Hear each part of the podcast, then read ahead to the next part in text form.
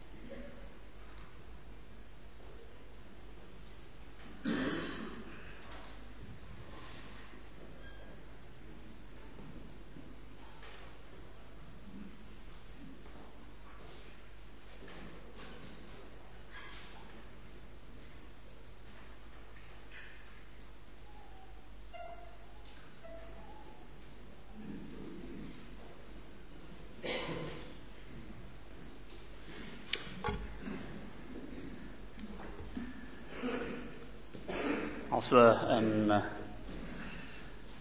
tekening, een schets zouden maken van David, dan denken we aan een jonge man met een slinger. Denken we aan uh, Mozes, dan denk ik een man met een staf. Daarmee heeft hij heel veel dingen gedaan voor de Heer. Denk je aan een Gideon, denk je aan een kruik en een fakkel. Maar denk je aan Paulus, dan denken we aan een keten. Een ketting, niet een gouden ketting, maar een ketting voor zijn handen en zijn voeten. Dan denk je aan profetie van profeet Agabus. Die kwam toen bij Paulus en die nam zijn gordel en bond toen zijn eigen handen en voeten en heeft toen profetie uitgesproken. Zo zal het met Paulus geschieden als gevangene. En dat is in de brief aan de Filippiërs, dat merken we dan, dat is de eretitel van apostel Paulus geworden. De gevangene van Christus Jezus. Dat vind je um, keer op keer. In vers 7 lees je, zowel in mijn gevangenschap. En in vers 13 dat ik in gevangenschap ben om Christus wil. En het woord gevangenschap staat letterlijk eigenlijk het woord keten. Eigenlijk moet je, als je letterlijk zou willen vertalen, ik ben zowel in mijn ketenen. Je bent, hij was geketend. En hoe wonderlijk is dat als je kijkt naar apostel Paulus,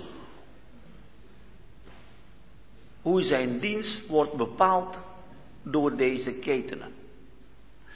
En dan beseffen we, enerzijds is hij geketen, anderzijds, als je kijkt naar, naar eh, het boek Handelingen, waarbij de Heer Jezus, het boek Handelingen is voorzetting van Lucas. En daar vind je in Lucas hoe de Heer Jezus op aarde heeft gehandeld, geleerd en gewandeld. En in het boek Handelingen, die een voortzetting is van Lucas, zien we hoe de Heer Jezus dat wat hij in Lucas heeft gedaan, voortzetten uit de hemel door middel van zijn apostelen. Met name door middel van de gelovigen. Met name Petrus en Paulus. Maar dan lees je in Handelingen 28 dat terwijl Paulus geketend was, het woord was niet geketen. Paulus kon vrijmoedig spreken, ongehinderd. Het evangelie was niet geketen, maar Paulus zelf was wel geketen. En dat is eigenlijk het handelsmerk van apostel Paulus. Hij was geketen om Christus wil. En wij zouden zeggen, als je geketen bent, dan is dat een verhindering. Dat is lastig. Dat beperkt je vrijheid. Zo zouden wij naar die dingen kijken. Maar dat bijzondere van de brief van Filippus is dat we de dingen nou eens leren vanuit een andere gezichtspunt. Als we straks bij de Heer Jezus zijn, en dat kan heel binnenkort zijn, dan zullen we straks met Hem terugkijken naar ons leven. En dan zullen we de dingen kijken vanuit Zijn gezichtspunt. En dan denk ik dat we, dat we heel verwonderlijk zullen zijn hoe de Heer alles wel heeft gemaakt. Het is Zijn werk. Wij hebben hier, denken we, heel veel dingen gedaan, maar we vergeten soms, het is Hij die werkt. Als je kijkt naar de Filippiërs, we zouden zeggen, de Filippiërs hebben dat en dat en dat gedaan. Nou, zegt de apostel Paulus, denk eraan, in vers 6, hij die een goed werk in u begonnen is. Denk eraan, jij bent slechts instrumenten in zijn hand. Tussen twee haakjes, we spreken vaak over de waarheid van de gelovigen als leden van het lichaam van Christus. En dan denken we aan allerlei factoren. Maar in de brief van de Filippiërs zien wij het aller, allerbelangrijkste factor. Als je lid bent van het lichaam van Christus, dan doe je heel eenvoudig wat hij zegt. Dan is het de Heer Jezus die doet en handelt door middel van de gelovigen. Dat is de betekenis van leden van het lichaam van Christus. Ook in je individueel leven, want daar gaat het om hier in de, in de brief aan de Filippiërs. Het gaat om individuele gelovigen met de bemoediging hoe je de praktijk van het christelijk leven in de praktijk brengt. En dat is beslissend voor andere Bijbelboeken. Zonder een persoonlijk wandel met de gezindheid van de Heer Jezus, waarbij de Heer Jezus alles is voor je, dan is dat onmogelijk om te kijken naar andere dingen in de geschriften van Paulus, Efezebrief, waarheden over gemeentelijke samenkomen, over raadsbesluiten van God. Dat heeft allemaal totaal, dat is niet mogelijk als we niet hebben geleerd om met Christus te wandelen. En ik denk dat dat ook, dat het ook een is van de belangrijke redenen waarom de Heer dan je tegen moet komen op het moment dat je hele hoge waarheden hebt zonder dat daar een persoonlijk wandel met Christus is, dan blaast de Heer in het huis en dan blijft er niets over. Maar hier vinden we de ketenen van apostel Paulus en dat spreekt van genade. Want Paulus getuigt in Korinthebrief, als ik zwak ben, dan ben ik sterk. Want Gods kracht wordt volbracht in zwakheid. Dat is genade. Genade is op het moment dat je zegt, Heer, ik kan het niet meer, dan doet de Heer dat. Maar op het moment dat je zegt, nou, ik kan het nog zelf, dan wacht de Heer voordat Hij door ons heen kan werken. Maar Filippi-brief maakt duidelijk dat voordat wij zover zijn om door de Heer gebruikt te worden, voordat we de wandel van Johannes van Filippi 4 hebben, dat we eerst moeten leren dat we in onszelf, in het geheel, geen kracht hebben. En dat is de gedachte van ketenen. Daarom de brief van Filippiërs begint met genade, eindigt met genade. In vers 2, genade zij u en vrede van God. Zo begint apostel Paulus meestal zijn brieven. Maar hij eindigt Filippi brief ook heel wonderlijk, met Filippi 4, vers 23. De genade van de Heer Jezus Christus zij met uw geest. Je zou kunnen zeggen, het brief heeft een envelop. En soms aan de envelop kun je al herkennen, oh dat is een trouwkaart of dat is een rouwkaart. kun je zien aan de buitenkant. En hier vinden we in de brief van Filippiërs het envelop begint met genade aan de voorkant, aan de achterkant ook genade. Dat betekent, het gaat hier om een wandel in genade. Waarom in genade? Genade, de Grieken kenden ook genade. Grieken die definiëren genade, dat is als je gunst gaat bewijzen aan een andere en je verwacht niks terug, dat is genade. Maar Grieken bewijzen alleen maar genade aan vrienden.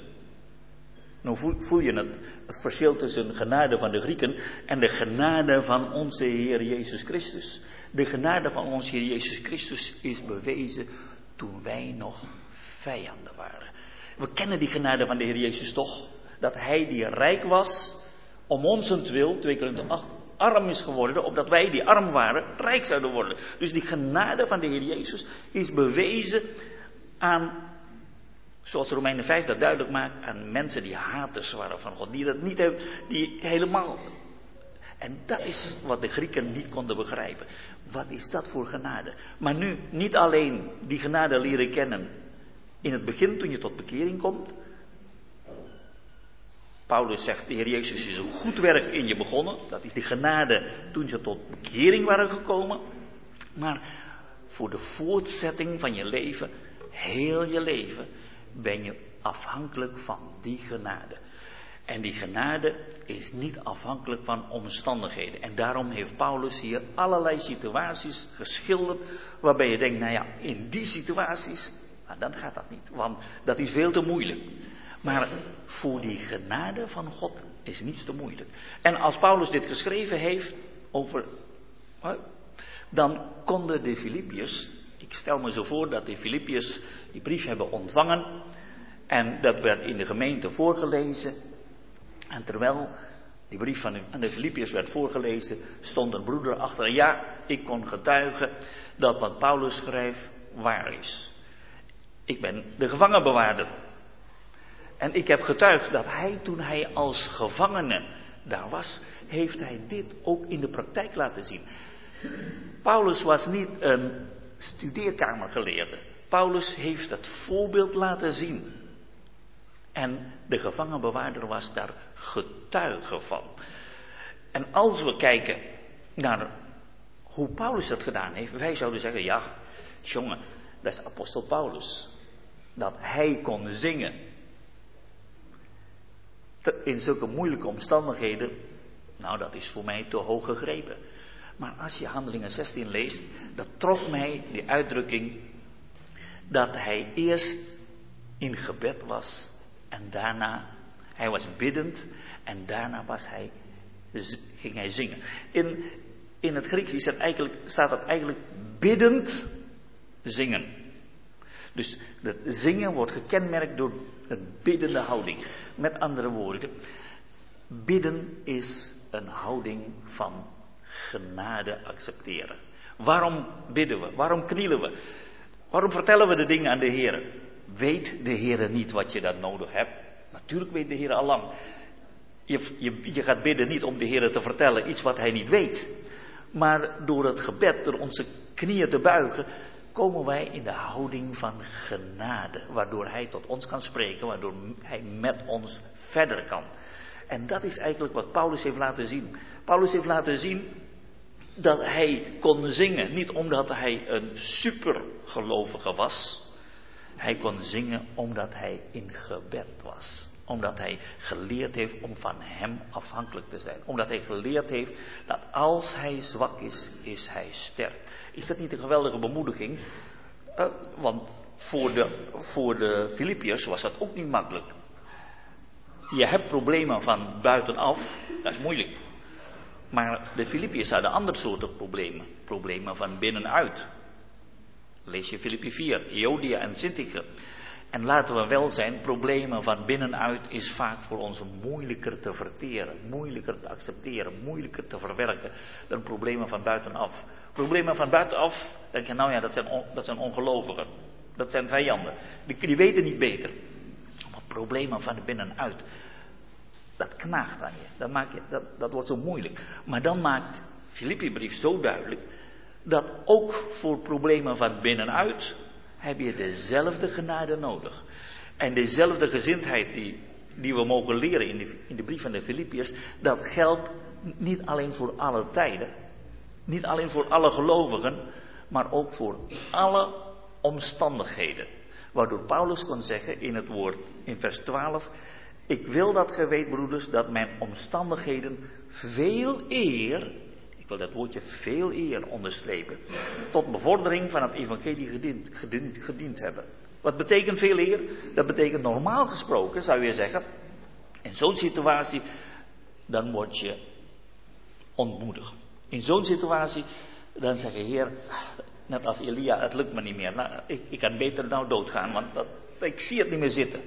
Maar Paulus zegt, in het licht van Christus, dan mag ik zien dat in dit geval inderdaad, dat werkt mee ten goede. En in dit geval, de Heere gebruikt dat. En als er broeders zijn die Christus prediken in vers 15 uit nijd en twist, normaal gesproken, dan zou je zeggen, wat is dat nou voor een broeder? En dan word je verdrietig, dan word je gekwetst. En wat zegt Paulus? Hier heb je iemand die de gezindheid van Christus heeft laten zien. Ach, zegt Paulus, dat gaat toch niet om mij. Het gaat om Christus. En dat is, dat is iets wat we allemaal mogen leren. Te midden van allerlei mogelijke situaties. Het gaat niet om mij. Als je kijkt naar Paulus, het gaat allemaal om zijn Heer. Zijn denken, in vers 3 is het denken van de Heer Jezus. Zijn gevoelens, in vers 6, zijn gevoelens van de Heer Jezus. Ik verlang u allen met de ingewanden, met het hart van de Heer Jezus.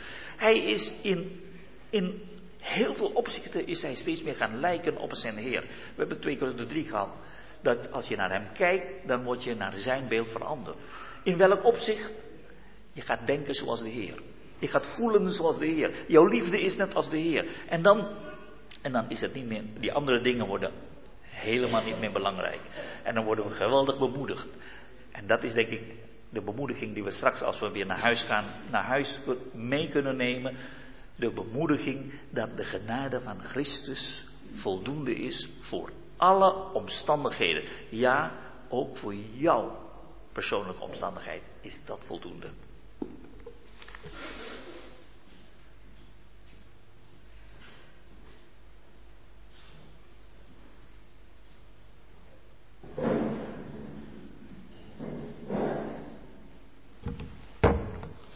We zien hier dat, dat Paulus gegrepen is door de Heer Jezus.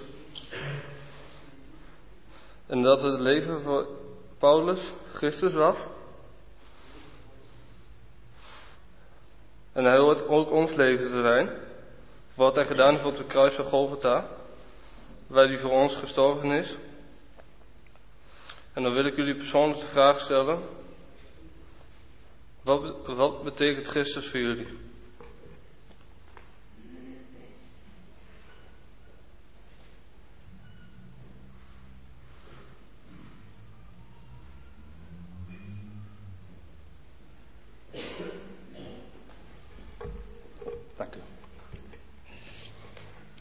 Möchte noch zwei Dinge sagen. Ich will graag noch zwei Dinge sagen. Die, wir haben schon davon gehört, außerhalb von uns liegen und noch zukünftig sind. Äh, die, daar hebben we al van gehoord, äh, buiten ons liggen en nog toekomstig zijn. Und das zweite, das ist in uns und das erleben wir jetzt. En het tweede is wat in ons is. En dat, dat beleven we nu. Der Tag Christi und das Herz Christi. De dag van Christus en het hart van Christus. Eine wahre Geschichte vor circa 25 Jahren. Een uh, echt gebeurde verhaal 25 jaar geleden. Noch vor der Wiedervereinigung von Deutschland. Voordat uh, Duitsland één Duitsland werd. Besuchte der russische Kremlführer Michael Gorbatschow die Bundesrepublik. Bezocht uh, Michael Gorbatschow de Republiek Duitsland, Bundesrepubliek Duitsland. Und der damalige Kanzler Helmut Kohl Helmut Kohl. Helmut Kohl, es war im Mai, es war Feiertags, sagte zu Michael Gorbatschow, die Deutschen arbeiten heute nicht, sie feiern Christi Himmelfahrt. Toen zei Helmut Kohl tegen uh, Michael Gorbatschow op die dag, uh, de Duitsers werken vandaag niet, ze vieren de hemelvaart van Christus. Und der russische Übersetzer, wohl nicht in bester Kenntnis der Feiertage, de Russische vertaler, en die wist niet zo heel veel van de feestdagen. Übersetzte, die Deutschen arbeiten heute nicht, sie feiern den Tag der Luftwaffe. Die vertaalde het zo, eh, de Duitsers werken vandaag niet, ze eh, vieren de dag van de Duitse luchtmacht. Man könnte jetzt fragen, was der übersetzt hätte, wenn er den Tag Christi übersetzen müsste.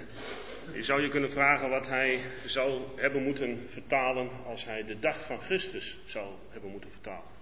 Nebenbei bemerkt, wir haben heute bessere Übersetzer hier. Vielen Dank an euch. Was will ich damit sagen? Wat wil ik daarmee zeggen? Die Himmelfahrt Christi ist verbunden mit dem Tag Christi, der in der Zukunft liegt. De hemelvaart van Christus is verbonden met de dag van Christus die in de toekomst ligt. Und beides können wir nur im Glauben erfassen. En beide kunnen we alleen in het geloof bevatten. Wir haben heute Vormittag davon gehört, dass jetzt noch Nacht ist, aber der Tag anbrechen wird. We hebben net gehoord dat het nu nog nacht is, maar de dag zal komen. Aber der Morgenstern kann schon aufgehen in unseren Herzen. Maar de morgenster kan al opgaan in onze harten. Und wir dürfen darauf schauen, auf den Tag Christi. En we mogen daar naar, naar kijken, daarop wachten, op de dag van Christus. Auf diese herrliche Zukunft. Deze heerlijke toekomst. Und nur im Glauben können wir diese Dinge erfassen und uns daran erfreuen. En alleen in het geloof kunnen we deze dingen vol bevatten en, en daar, daar blij over zijn. Jemand, der Christus nicht hat, der kann gar nichts von diesen Dingen verstehen. Iemand die Christus niet heeft, kan hier niets van begrijpen. Und es ist ihm auch nichts wert. En het is ook, heeft ook geen waarde voor hem. Für uns aber ist es schön und herrlich zu sehen, wie unsere Zukunft sein wird. Voor ons is het prachtig om te zien hoe onze toekomst zal zijn. Beginnend mit dem Kommen des Herrn Jesus für uns Het begint ermee dat de Heer Jezus zal komen voor ons. und im Richterstuhl Christi, De rechterstoel van Christus. wo dann alles anschließend weggetan wird. Auch jede Beschämung, die auf dieser Erde noch verbleibt. Alles zal daarna weggedaan worden. Elke beschaming die, die er nu nog eh, is. Dann dürfen wir mit ihm erscheinen. En dan mogen we met hem verschijnen. Der Herr wird bewundert in den Seinen. En de Heer zal bewonderd worden in de zijne. Das sind herrliche Dinge. Dat zijn heerlijke dingen. Und jetzt sehen wir einen Apostel Paulus, der in einem Gefängnis saß, in Ketten, En nu zien we apostel Paulus die gebonden zit in de gevangenis. und sein Herz beschäftigte sich mit diesen Dingen, mit dem Tag Christi. En zijn hart hield zich bezig met deze dingen, de dag van Christus. Das müssen wir uns vorstellen. Dat moeten we ons eens voorstellen. Äußerlich in den schlimmsten Umständen. Uiterlijk eh, in de ergste omstandigheden. Und der Glaube befasst sich mit den schönsten Herrlichkeiten. Maar het geloof hield zich bezig met de mo- mooiste heerlijkheid die hem wachtte. Als der Jesus am Kreuz hing, konnte er einem Übeltäter sagen, Toen de Heer Jezus hing aan het kruis, kon hij tegen een van de misdadigers zeggen: heute noch wirst du mit mir im Paradies sein. Vandaag nog, heden, zul jij met mij in het paradijs zijn. Was wird das für unseren Herrn Jesus am Kreuz gewesen sein, das Wort Paradies auszusprechen? Wat zal dat voor de Heer Jezus geweest zijn? Om daar aan het kruis dat woord paradijs uit te spreken. Ein Gedanke noch zu Vers 8 mit dem Herzen Christi Jesu. En dan nog één gedachte bij vers 8, het hart van Christus Jezus.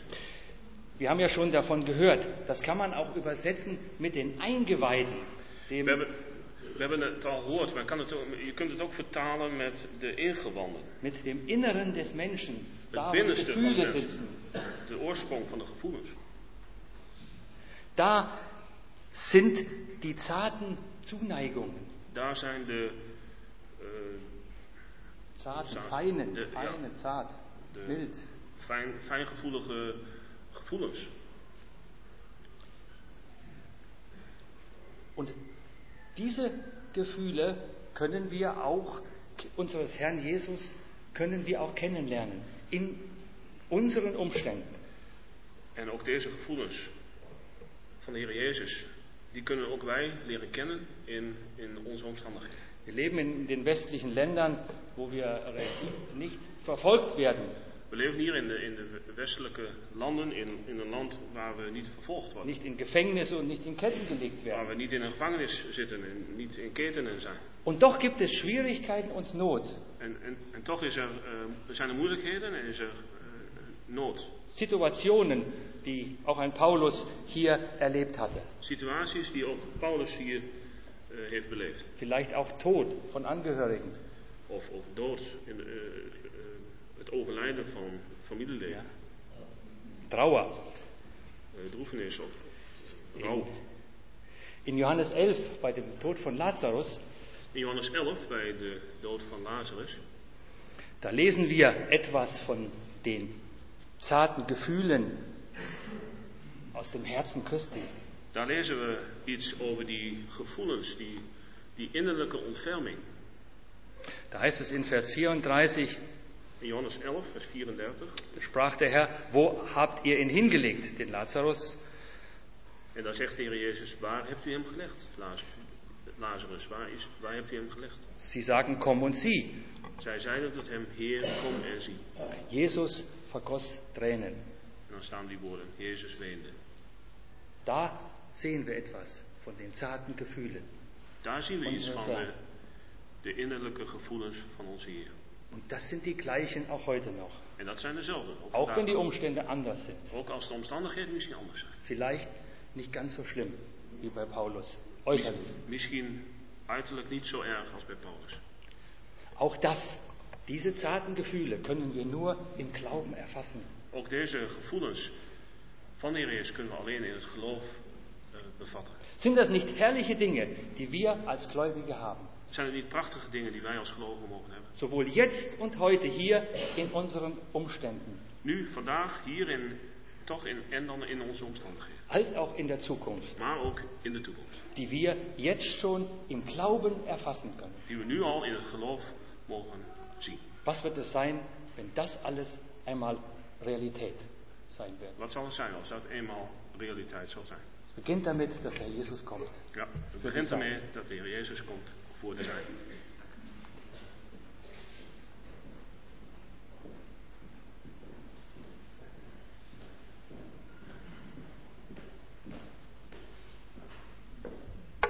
Ehm, ik zou nog even met jullie willen nadenken over de dag van Christus. En ik realiseer me dat we al een hele tijd erover denken. Maar ik zou willen kijken of we kunnen focussen op een kant van de dag van de Heer die nog niet genoemd is. En dat is de zwarte kant van die dag. Ik denk dat wij gelovigen zijn als we hier zitten. Ik hoop het. En als niet zo is, bekeer je snel. Want de Heer kan snel terugkomen. En dat is die schaduwkant waar ik op zou willen wijzen. Er zijn heel veel mensen in deze wereld die naar de hel gaan als de dag van de Heer nu komt. En ik vraag me af of Paulus inderdaad de gedachte heeft over de geweldige, heerlijke toekomst die hem en ons straks wacht bij de Heer. Of dat het is waardoor hij spreekt over de dag van Christus. Of dat het ook die kant is dat hij denkt aan die vele andere mensen die gewoon heel hard naar de hel toe gaan als het evangelie geen doorgang vindt. Het evangelie ligt op zijn hart. Dat, dat is wat je door, ja, gewoon tussen de regels en in de regels leest. Paulus is helemaal vol van het evangelie.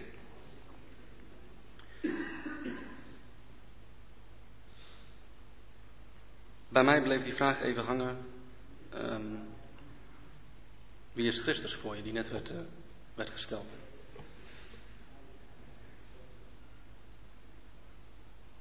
Terugkomend op dat punt van de dag van Christus. Het staat drie keer, hè, hebben we al aan herinnerd, het staat drie keer zo door de loop van de tekst heen, de dag van Christus. Het is alsof Paulus zijn agenda open doet en in zijn agenda staat de dag van Christus.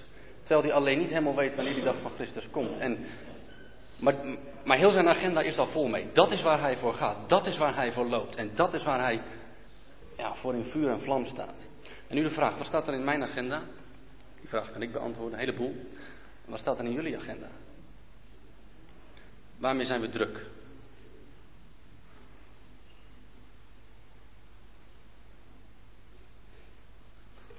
Laten we nadenken over hoe geweldig het is als we bij de Heer zijn. Maar laten we ook nadenken daarover dat, eh, dat, dat God heeft gekozen dat jij en ik de spreekbuizen zijn voor Zijn Heilige Geest en voor Zijn stem om tot ongelovigen te komen en het evangelie te brengen. Er is weinig anders waarvoor we hier op aarde zijn dan dat. Tuurlijk, God verheerlijken. God. Maar zijn evangelie brengen naar anderen. Een ding wat ik daarbij nog uit zou willen lichten is dat Paulus schrijft in vers 10, waar hij dan ook sluit met de dag van Christus, dat hij zegt, dat u kunt onderscheiden, en hier in de herziene statenvertaling staat, wat wezenlijk is. Opdat u kunt onderscheiden wat wezenlijk is, opdat u oprecht bent en zonder aanstoot te geven tot de dag van Christus. Dat woordje wezenlijk zou ik eruit willen lichten, want die vertaling is een beetje lastig. Het gaat hier om drie dingen. Het gaat hier om wat goed is en wat fout is. Dat zit in dat woordje wezenlijk.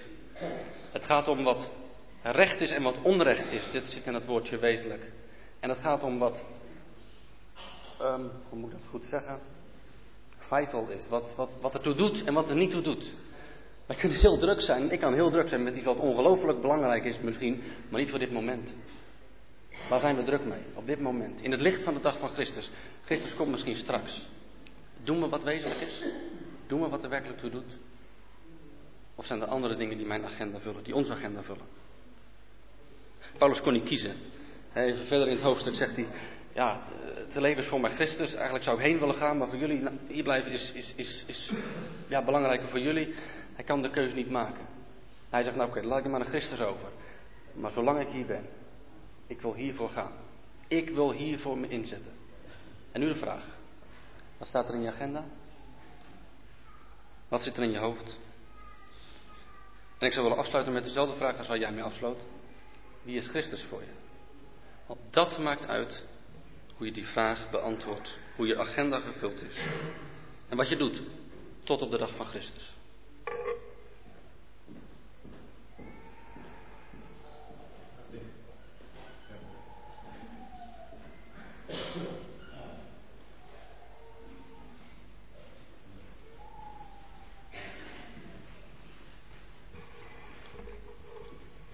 Ik wou toch ook nog graag even aansluiten op wat, wat Jan zei. Um, en ook op wat Tony zei als het gaat om de inhoud van het evangelie. En dan ook iets zeggen over nog uh, vers 9 en 10. Tony zei, het evangelie is veel meer dan alleen het evangelie brengen dat mensen verloren gaan. Maar het is veel meer. In Romeinen 1, juist ook de brief die gaat over het evangelie, begint dit, deze brief met het evangelie aangaande, zeg maar even met eigen woorden, aangaande Christus. Het evangelie is een persoon. Is ook al gezegd, alle waarheid van God, alles wat God is, als dat gebracht wordt als een boodschap, is dat het evangelie. En ook Johannes 1, waar ik de laatste tijd ook wel mee bezig ben geweest, daar staat het ook dat Hij is de waarheid, het woord is de waarheid en Hij is liefde, Hij is genade en waarheid staat er, is door Hem geworden. Hij is de oorsprong op deze aarde van het feit dat de goddelijke waarheid en genade zichtbaar is geworden.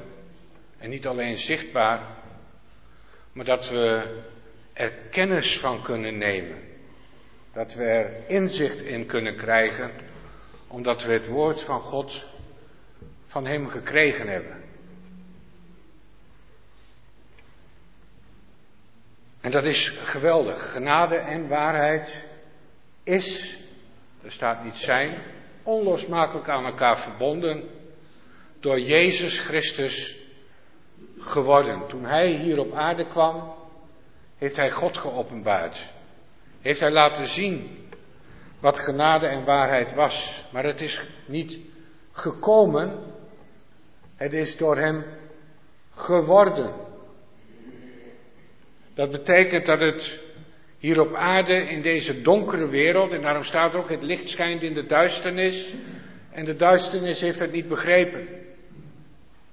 Hij is in deze aarde gekomen en hij is de oorsprong geworden van alle genade en waarheid die van God geopenbaard wordt op deze aarde.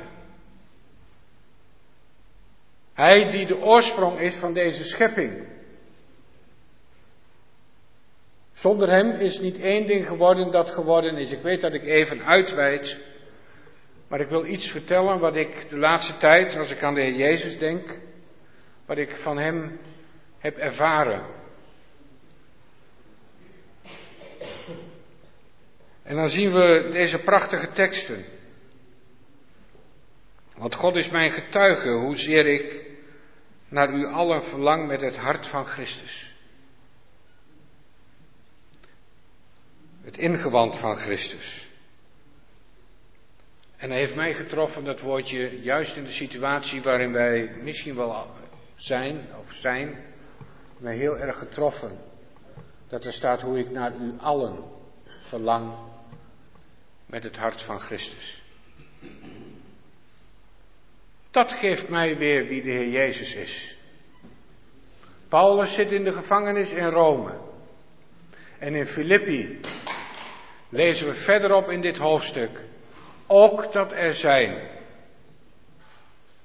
die het evangelie verkondigen om de gevangenschap van Paulus te verzwaren uit nijd, jaloersheid en twistzucht. Ik verlang met u, naar u allen met het hart van Christus. Naar u, ik heb het woordje onderstreept, naar u allen.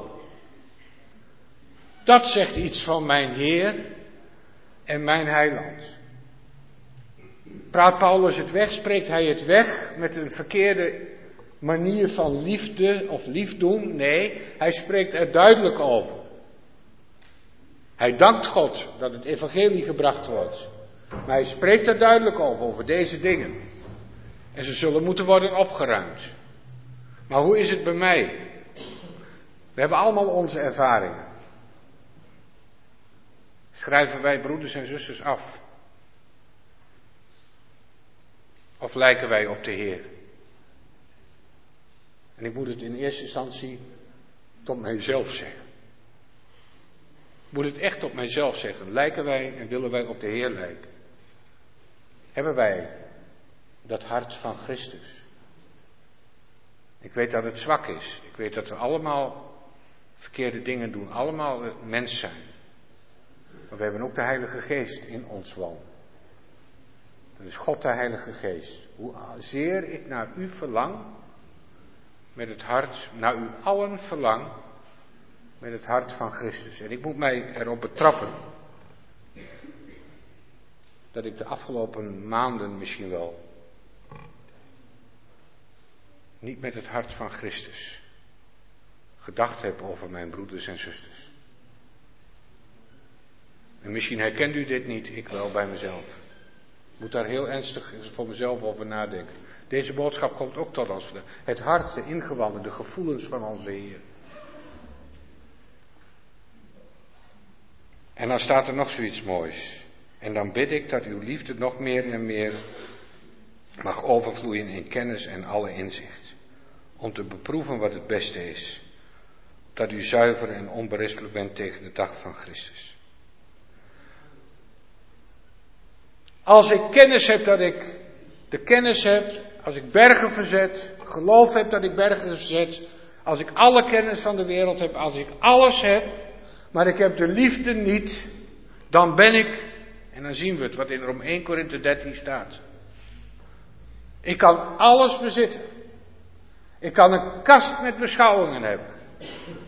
Ik kan een computer vol beginselen hebben. En regels en kennis. En ik kan de mooiste dingen over de Heer Jezus zeggen, over zijn persoon, op zondagmorgen in de gebeden. En herkennen we het niet bij onszelf? Dat we misschien wel eens een keer een gebed uitspreken op zondagmorgen. Waarin we de mooiste waarheden uitspreken. En misschien met onze gedachten bezig zijn met iets wat in ons huis nog moet gebeuren. Omdat we de gedachten automatisch als een mitrailleur kunnen afschieten. En dat is prachtige kennis. Maar ik heb geen liefde. Dan ben ik een klinkend symbool. Een schetterend symbool. En een klinkend koken. Broeders en zusters, dat is jongelui. Broeders en zusters. En sommigen hier die weten hoe, dat we altijd moeite hebben om speciaal af te zijn jongelui. Ik denk dat wij als oudere broeders en zusters juist dat voorbeeld moeten geven en het niet doen. Want daar staat er, ik bid dit, dat uw liefde nog meer en meer mag overvloeien in kennis en alle inzicht. Want alle kennis en inzicht is erg belangrijk, want dan kunnen we beproeven. Als we kennis en inzicht hebben, kunnen we beproeven aan de hand van Gods woord, aan de hand van het inzicht die de Heilige Geest ons wil geven in de dingen, dat we ons leven onberispelijk kunnen inrichten. Tegen de dag van Christus.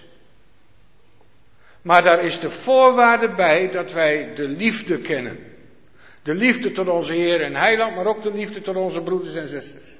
En mij valt op bij mezelf dat als die liefde wegvalt, en ik moet zeggen dat het de laatste tijd af en toe wel eens gebeurd is door omstandigheden. Dat dan, dat je als het ware leeg bent, ook als het gaat om die dingen die spreken van de Heer Jezus. Dat je leeg bent als het gaat om de dingen die spreken van Gods woord. En dan is er maar één mogelijkheid om die liefde terug te krijgen. Dat is niet alleen dat we voor onszelf bidden. Ik bid dat die liefde mag overvloeien. Nee, niet mag overvloeien. Hier in, in, in Filippi was het al zo dat hij al overvloeide. Nog meer mag overvloeien. En wat is daar de voorwaarde voor? Dat we voor elkaar bidden. Niet alleen dat we voor onszelf. Nee, ik bid, zegt Paulus, dat het bij u mag gebeuren. Kennen we bij onszelf dat gebed voor de ander? Dat gebed voor die broeder of zuster, of dat gebed, en dan moet ik heel eerlijk bij mezelf kijken, voor die ander, om ervoor te bidden. dat onze liefde mag overvloeien. Niet zijn liefde alleen, want we kunnen ook veroordelend bidden. Maar daar gaat het niet om. Hier is het het hart van Christus dat bidt. Iemand met het hart van Christus die bidt voor de ander. Broeders en zusters, dit grijpt mij persoonlijk aan als ik dit lees, als ik hierover nadenk. En toen ik dit aan het lezen was en aan het voorbereiden was. Opdat u beproeft wat het beste is, opdat u zuiver en onberispelijk bent tegen de dag van Christus. Vervuld met de vrucht van de gerechtigheid, die door Jezus Christus is, tot heerlijkheid en lof van God. Weet u wat het is als wij geopenbaard worden op de dag van Christus? Dat dat zal zijn tot heerlijkheid van Hem, die dan geopenbaard wordt op die dag in alle heerlijkheid en glorie en macht. De dag van de Messias, van de verheerlijkte Heer, die zijn rechten zal opnemen en opeisen op deze aarde en zijn regering zal beginnen. De dag van Christus, opdat u dan onberispelijk bent. Waarom onberispelijk? Opdat wij nog meer, ja, het zal genoeg, het zal volmaakt zijn. Maar u begrijpt wat ik bedoel. Dat wij eraan bijdragen dat die heerlijkheid van Christus, wij zullen zijn tot zijn heerlijkheid. De eerste Thessalonica brief, het eerste hoofdstuk. Dat zijn heerlijkheid nog groter mag zijn. Wordt on, nee, zijn heerlijkheid. Op de dag van Christus zal hij verheerlijkt worden in de zijn. Maar ook dit, opdat deze vrucht van de gerechtigheid, dat het nog, ja, niet, het kan niet mooier zijn, dat is waar, maar wij hebben wel die praktische verantwoordelijkheid in deze dingen. Ik vind het een heel belangrijk iets om over na te denken. Uw liefde mag overvloeien. Er zitten hier broeders, en, broeders in dit, in Filippi, die, en zusters misschien wel, die het evangelie brengen op een wijze om de gevangenschap van Paulus te verzwaren. Dat schrijft hij in het eerste hoofdstuk. En ik bid, zegt Paulus. Ik bid voor u. Met het hart van Christus. Denk ik aan u. Ik verlang naar u met het hart van Christus. Is het niet geweldig, broeders en zusters, dat dit kan?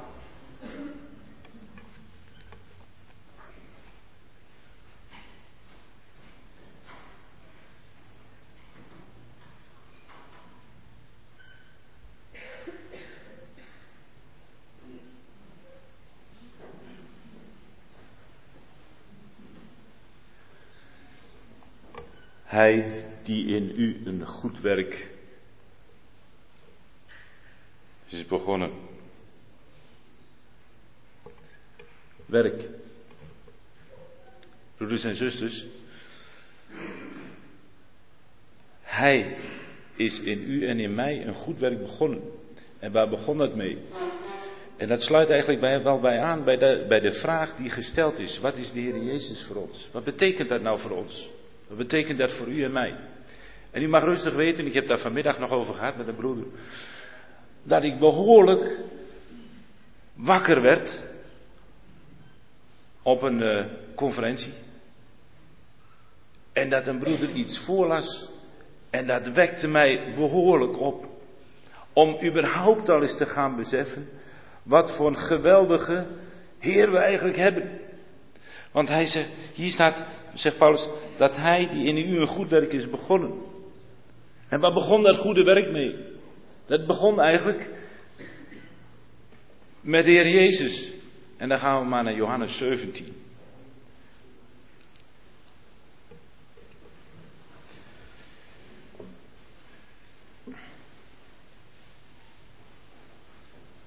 En dat is het gesprek van de Heer Jezus met zijn vader. Wordt ook over werk gesproken. In vers 4. Ik heb u verheerlijkt op de aarde door het werk te voleindigen dat gij mij te doen gegeven hebt. Daar begon dat mee. Dat is het werk van de Heer Jezus. En als je je verdiept in dat werk en daarover nadenkt, wat dat werk geweest is, wat de Heer Jezus voor u en voor mij gedaan heeft, voor ons gedaan heeft, ja, dan word je stil. Dan word je stil. Dan is het geweldig dat God een plan met u en met mij had. Dat zo ver ging dat God zijn enige geboren zoon gaf. En dat is voor ons allemaal heel bekend. Hè? Dat zijn van die ingesleten paardjes. Dat was het bij mij ook. Totdat je wat anders gaat ontdekken. Dat lezen we verderop in ditzelfde hoofdstuk.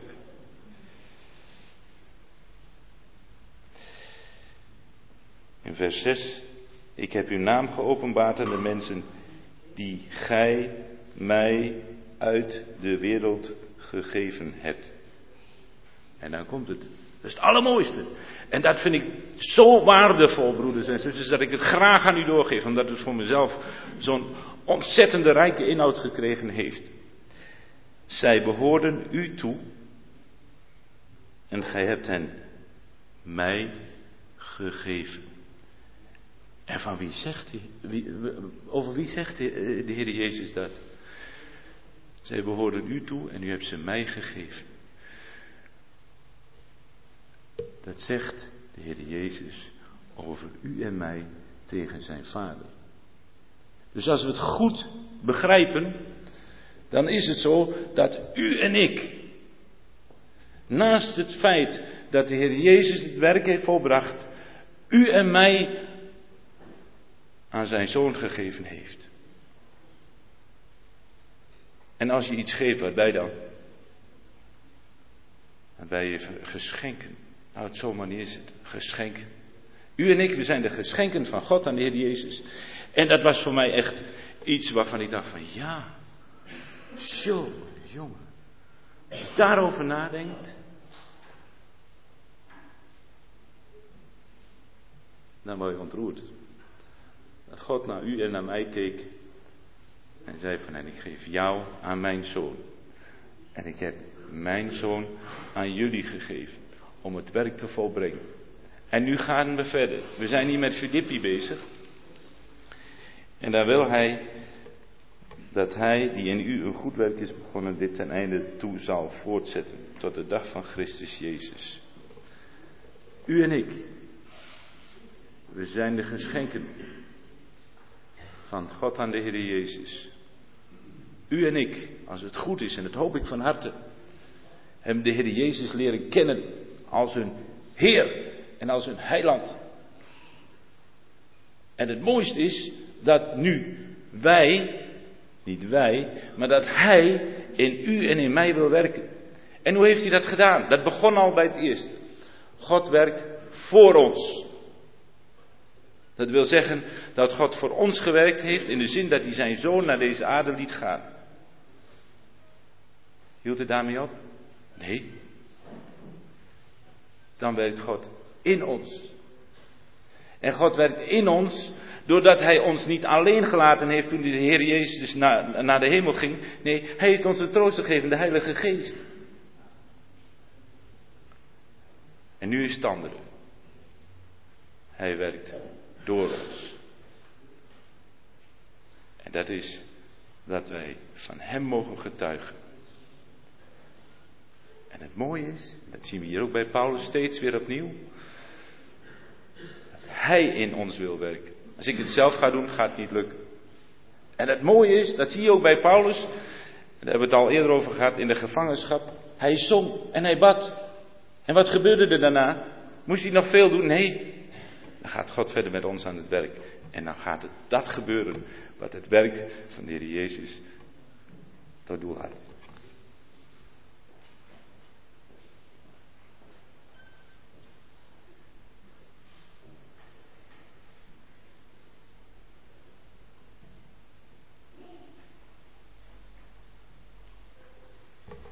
Wij hebben hier dat gebed van Paulus voor onze ogen. Hij laat de Filippenzen weten waarover hij bidt, wat op zijn hart ligt. Hij heeft vaak in zijn brieven gebeten verteld. Want hij weet bepaalde dingen moet je niet alleen met het hoofd leren. Dat moet God in je hart bewerken. Dat moet hij doen. Maar hij gaat het ons wel weten wat God moet doen. Dat wij beseffen dat Gods werk in ons een bepaalde richting heeft, een bepaald doel heeft. En dat is zo belangrijk. Hij schrijft het ook in hoofdstuk 3. Als u nog niet zo gezind bent, deze gezindheid die ik heb, nog niet hebt, dat zal nog komen. Hebben we niet die rust dat we weten dat God werkt aan mensen, dat Hij mensen verandert. We hebben al bepaalde dingen gehoord over het gebed. Ik denk dat wij hier punten in vinden die wij volmaakt bij de Heer Jezus zien. Daar wou ik even aanstippen. Hij had volmaakte liefde. Johannes 11 staat, het geschiedenis van Lazarus, dat hij Maria en Martha lief had. Maar toch kwam hij niet. Hij kwam niet naar hun toe. Hij wacht vier dagen totdat Lazarus dood was. Hij heeft gehandeld in volle kennis en inzicht. Wat was zijn doel van het handelen? Dat zegt hij later tot Maria, als je tot Martha, als je geloofd had, dan zul je de heerlijkheid van God zien. Dat is de zwaarpunt in zijn leven geweest. Dat voor alles uitging. De heerlijkheid van God. Psalm 16, daar zien we het geheim van zijn leven.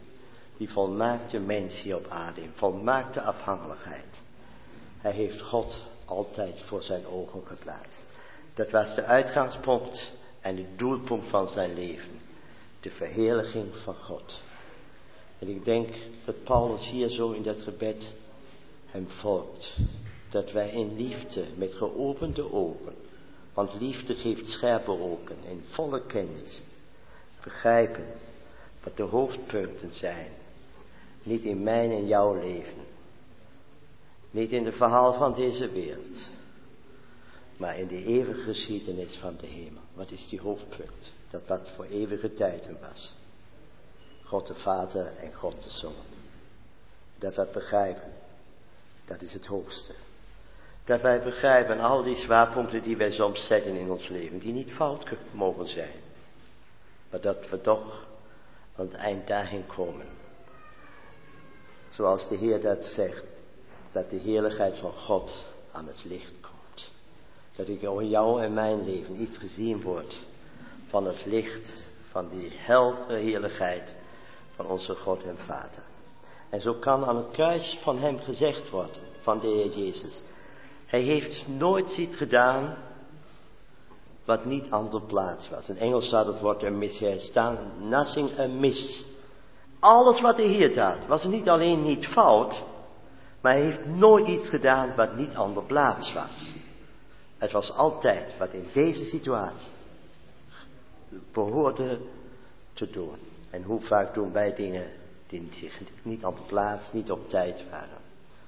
Maar dat is het leven waarom Paulus je bidt. En dan zullen de vruchten van de gerechtigheid naar voren komen. En ik denk daar aan een plaats uit uh, Spreuken 31. Daar wordt over Lemuel gezegd, als hij zijn troon bestijgt, krijgt hij, uh, uh, krijgt hij van zijn moeder bepaalde raadslagen. Dat en dat moet je doen. Maar mogen we het niet toepassen? Als in jou en mijn leven de Heer Jezus echt de troon heeft. Echt de leiding heeft. De middelpunt van ons leven is. Dan komt er orde in. Dan komt alles op zijn plaats. Als je dat boek Spreuken daarvoor leest van hoofdstuk 10 met de 30, 29. Als je daar nog orde wilt krijgen, die vind je niet. Je vindt hier een bepaald ding dat past bij elkaar, maar dan is daar weer onderwerp. En dat is soms ons leven zo. Wij leren en wij leren, maar er komt geen orde in. Maar als de Jezus op de troon zit, dan komt er orde in. Dan wordt van die vrouw gesproken. En dat bijzondere is dat elke letter van elke vers, van elke regel, begint met een letter van het alfabet. Alef, Bet, Gimel, Daad. Daar is orde in, in ons leven. Daar wordt een vrouw beschreven die een antwoord geeft aan de liefde aan van haar man. Die dat doet wat hij graag in haar ziet. De vrucht van gerechtigheid door Jezus Christus. En dan zal de dag komen, dan zal haar man opstaan en haar prijzen in de toren. Verheugen we ons niet op die dag, de dag van Christus, als Hij ons zal prijzen in de toren van de hemel en zegt, Ik heb in haar leven iets gezien van mijn schoonheid.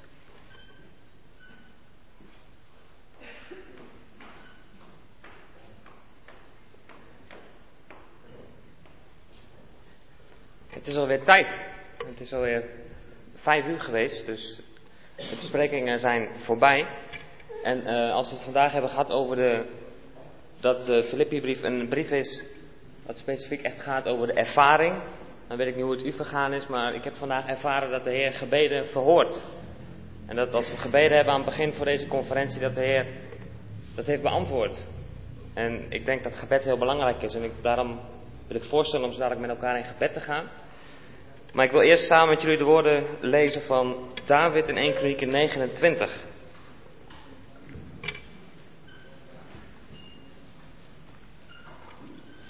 We hebben vandaag veel gehoord. We hebben vandaag veel gekregen van de Heer. We hebben misschien niet alles meer onthouden, maar het is na te luisteren. Op een website. 1 Kronieken 29 vers 13. Thans loven wij u, o onze God, en prijzen wij uw heerlijke naam. Wie toch ben ik? En wat is mijn volk dat wij in staat zouden zijn vrijwillige gaven te schenken? Want het komt alles van u en wij geven het uit uw hand. En in combinatie daarmee uit 1 Thessalonicus 5, vers 16.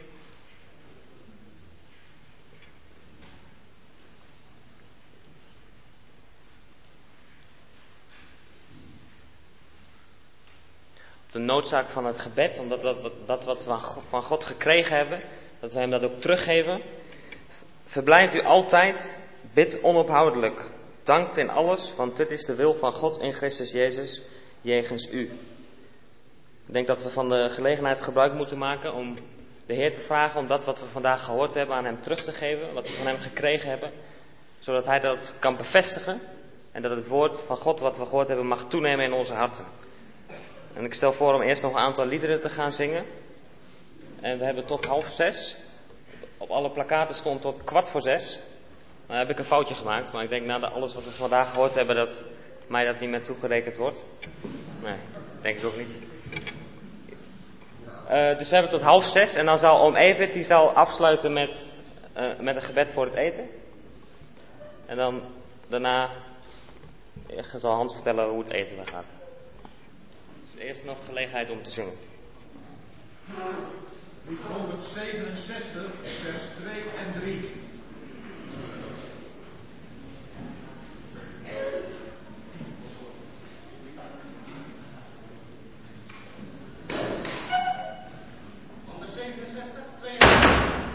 Genau.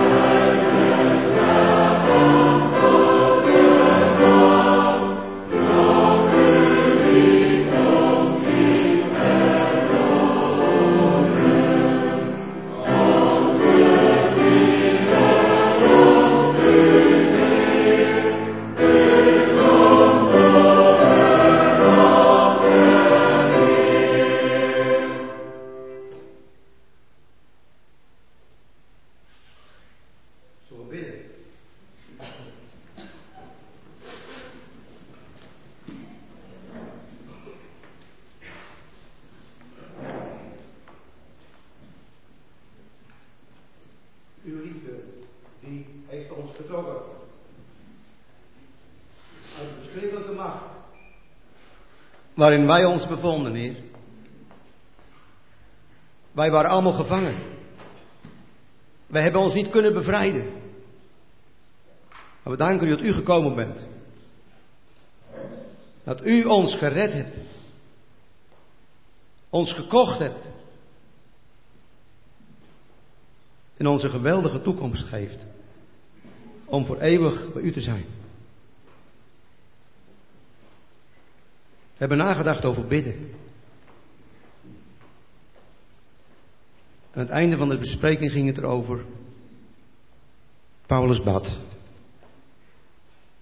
Dat de liefde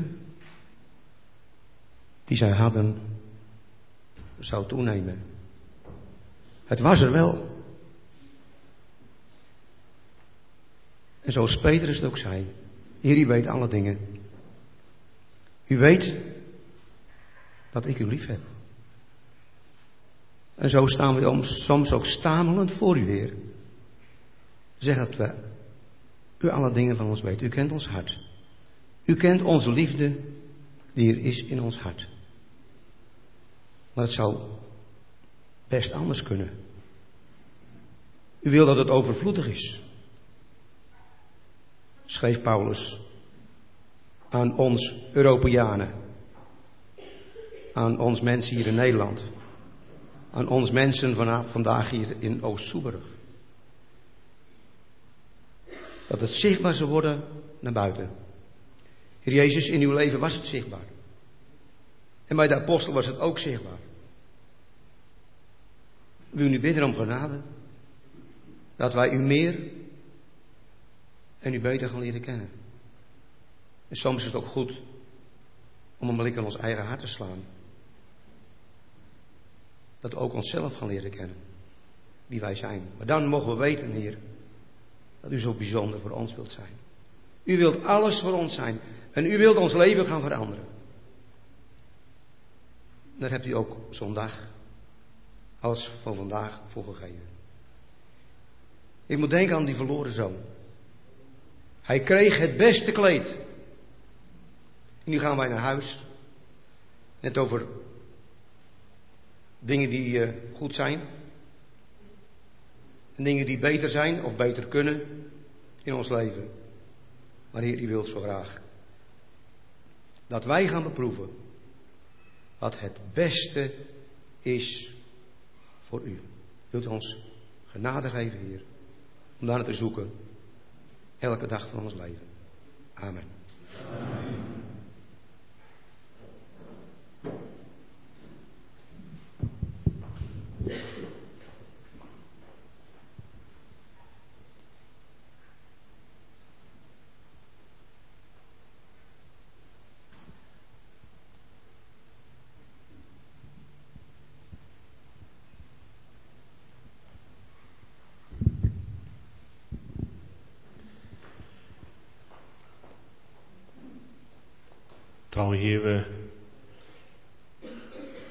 We danken u dat u vandaag ons zoveel hebt willen geven. Zoveel hebt willen geven wat we niet verdienen, waar we wel u om gevraagd hebben. Het begin van deze dag. Wat u ook hebt willen doen dank u voor de lessen die we mochten halen uit dit prachtige deel uit uw woord. Deze brief van Paulus aan de Filippiërs. Een brief die begint met de genade van u en eindigt met de genade van Jezus Christus. Heer, en hoe hebben we dat nodig elke dag van ons leven?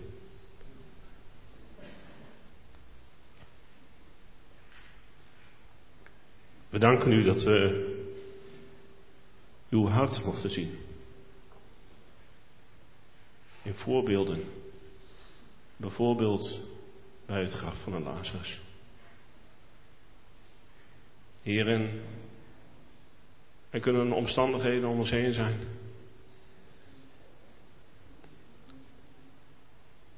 Dat we heel anders reageren, heel anders denken. U kent onze harten. Heer, maar u hebt ons vandaag willen leren dat we het hart van u, dat dat ons mag kenmerken. Heer, en daar dank u voor.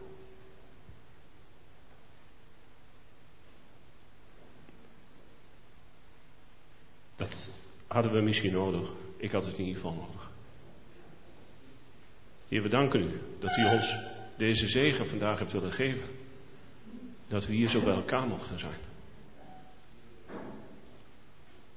Hierin, het is onverdiend. Maar we mogen het dankbaar in ons hart opsluiten. Dat wat erin gelegd is vandaag. Dat wat we mochten horen door uw woord en door uw geest. En wilt u maar geven dat we het bij ons mogen houden. En dat we het eruit mogen laten komen op de momenten dat het zo nodig is. Om er anderen mee te dienen. Om een kanaal te zijn van uw liefde. Heer, dat vraag u uit genade. Amen.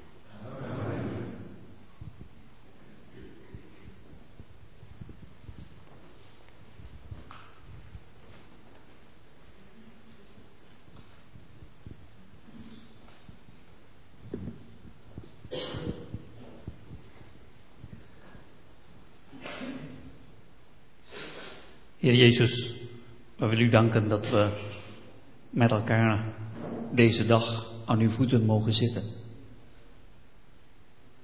Heer Jezus, we willen u danken dat net zoals apostel Paulus zijn hart heeft geopend aan de Filippiërs, zo hebt u uw hart laten zien aan ons.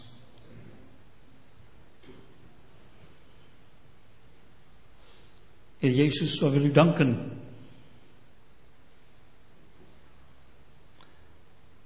dat we u, onze Heer en Meester, mogen zien. U die zelf de gestalte van een slaaf hebt aangenomen. Heer Jezus, u wilt ons onderwijzen. U bent de goede leermeester. En weten we dat we mogen leren om als u te zijn, want dat is genoeg voor een slaaf om te zijn als een Heer, voor een discipel te zijn als een meester. Heer, we willen bidden Wilt u ons dan ook vormen? Dat we meer op u gaan lijken. We hebben vandaag door uw woord u gezien. En dan merken we dat we genade nodig hebben om veranderd te worden. Genade voor alle mogelijke omstandigheden. Heer, we weten dat we slechte, trage leerlingen zijn. Traag van hart. Maar we willen u danken dat u langmoedig bent. Dat u, dat u als een goede leermeester ons wilt leren om elke keer opnieuw, om gevormd te worden naar uw beeld. Heer Jezus, als we van hier weggaan, dan, dan zitten we nog steeds in de school van het leven om in afhankelijkheid van u te leren, in elke omstandigheid zoals u ons wilt brengen. Heer Jezus, we willen bidden. Dat we net als Paulus straks ook mogen zeggen, ik heb geleerd. Ik heb geleerd om te weten. Ik vermag alle dingen in Hem die mij kracht geeft. Heer, we willen u danken dat door genade dit niet te hoog gegrepen is. U wilt ons leren dat als we straks bij u zullen zijn, dat we reeds hier op aarde iets van uw hart, iets van uw heerlijkheid, van uw heerlijk persoon hebben gezien, hebben bewonderd. Heer, wilt u zo met ieder van ons zijn als we van hier weggaan, uit genade. Amen. Amen.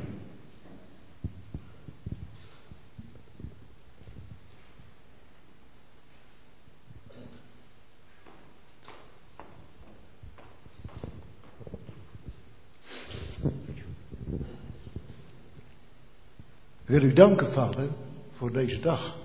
We hebben vanmorgen gevraagd of we meer van de Heer Jezus zouden mogen horen. Dat we meer van Hem zouden mogen zien. En u heeft onze gebeden, heeft u zo rijkelijk verhoord. Vader. En nu kan er alleen maar een loflied in ons hart zijn. Aan Hem die door zijn bloed ons kocht. Een werk zo heerlijk voor ons vrocht. Zij lof, aanbidding, dank en eer. Wil u nogmaals danken, Vader, voor deze dag. We danken u voor de gemeenschap die we zo met elkaar mogen beoefenen. Vader, wat is dat kostelijk. En we weten niet of we nog zo'n dag mee mogen maken. Maar dat mogen we zeker weten. De komst van de Heer Jezus is dicht nabij. En dan zullen we elkander ontmoeten in zijn glorie. Vader, wilt u ons dicht nabij zijn. We bidden dat uit genade. Amen.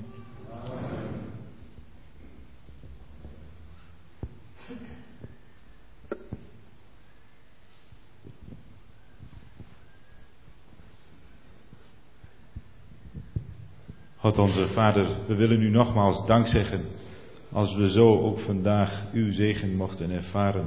In de eerste plaats willen we u danken voor de Heer Jezus, dat u ons door Hem weer met u in contact gebracht hebt.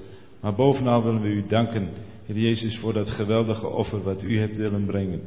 En we willen u danken als we ook zo hier bij elkaar mochten zijn. Sommigen van ons in een hernieuwde kennismaking met elkaar. En wat is het geweldig kostbaar dat u ons aan elkaar gegeven hebt. Heer, we willen u vragen, wilt u ons helpen om datgene wat we vandaag van u mochten zien en wat we mochten leren, uw liefde en uw ontferming, uw erbarmen, uw genade, Heer, dat dat gezien mag worden bij mij, bij ons allemaal. Wilt u ons helpen daarin, want we weten dat we daarin zo zwak zijn, maar we danken u dat we dat niet alleen hoeven doen, maar dat we dat mogen doen omdat u in ons wilt werken. Wilt u maar geven dat we bereid zijn ons ten dienste van u te stellen.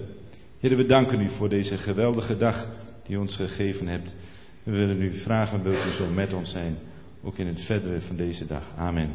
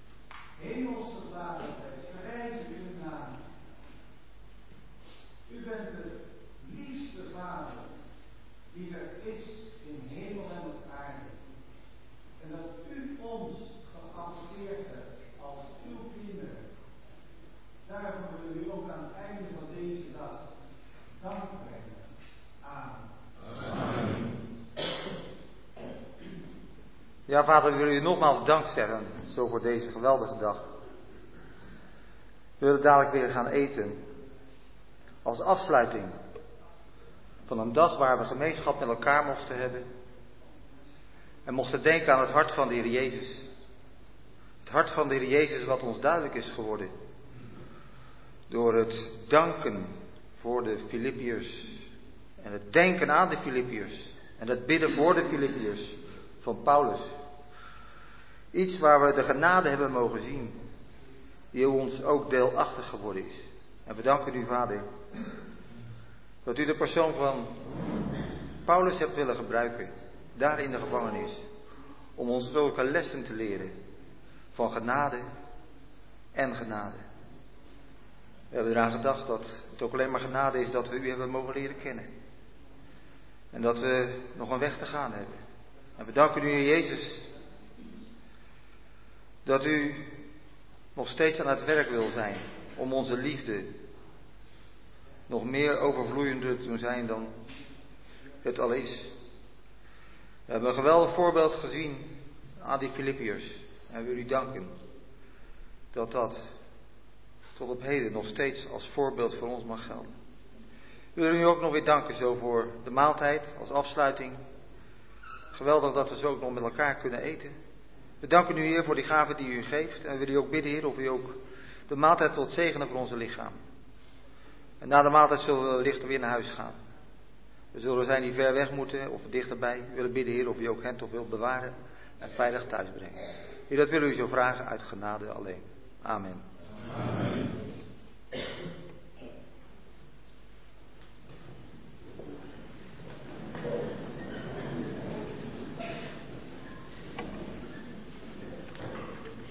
Pak weer even mijn uh, spiekbriefje.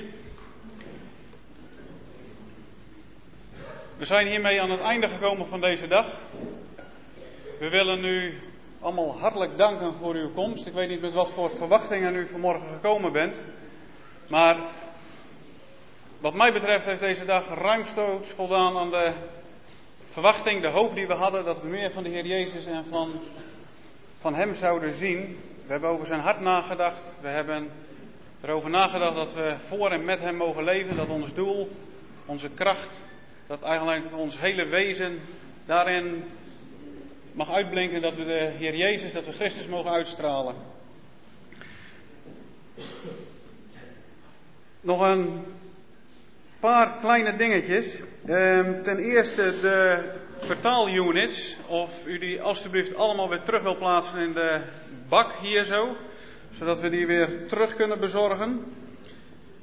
We willen u ook vragen om de liederenbundels die u gebruikt hebt, of u die alstublieft ook terug wil leggen.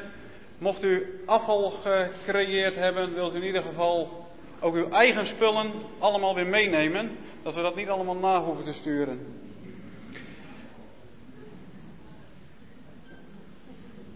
We willen de mensen van de kerk, er zijn hier verschillende vrijwilligers die hun uh, vrije zaterdag voor opgeofferd hebben. Uh, zowel de mensen die met het geluid bezig zijn geweest, als die ook wel in de keuken geholpen hebben, die willen we ook bij deze hartelijk bedanken. Dat is ook.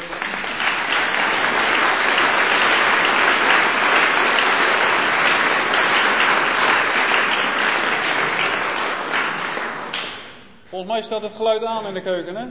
Dan komt dat allemaal goed.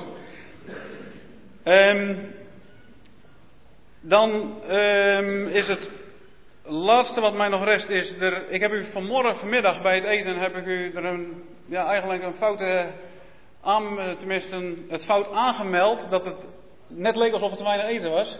er is nu voldoende eten. Dat betekent dat ook iedereen die zich niet aangemeld heeft voor het avondeten, dat, hij, ehm, ja, dat, dat geen verhindering moet wezen als u toch wil blijven eten.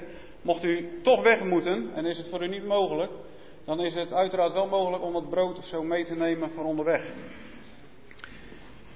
Dan wens ik u allemaal, als u gaat reizen, een goede reis naar uw uh, punt uh, Z. Dan wens ik u allemaal een goede reis naar uw eigen uh, thuisplaats weer, of dat nou een korte of een lange reis is. Een goede zondagmorgen toegewenst. En vergeet niet dat vannacht de zomertijd begint. Misschien dat u zo bemand bent door alle gedachten die u meeneemt. Maar vergeet niet de klok op tijd een uur vooruit te zetten. Vooruit. Ik wil nog één psalm met u lezen. En wel psalm 123.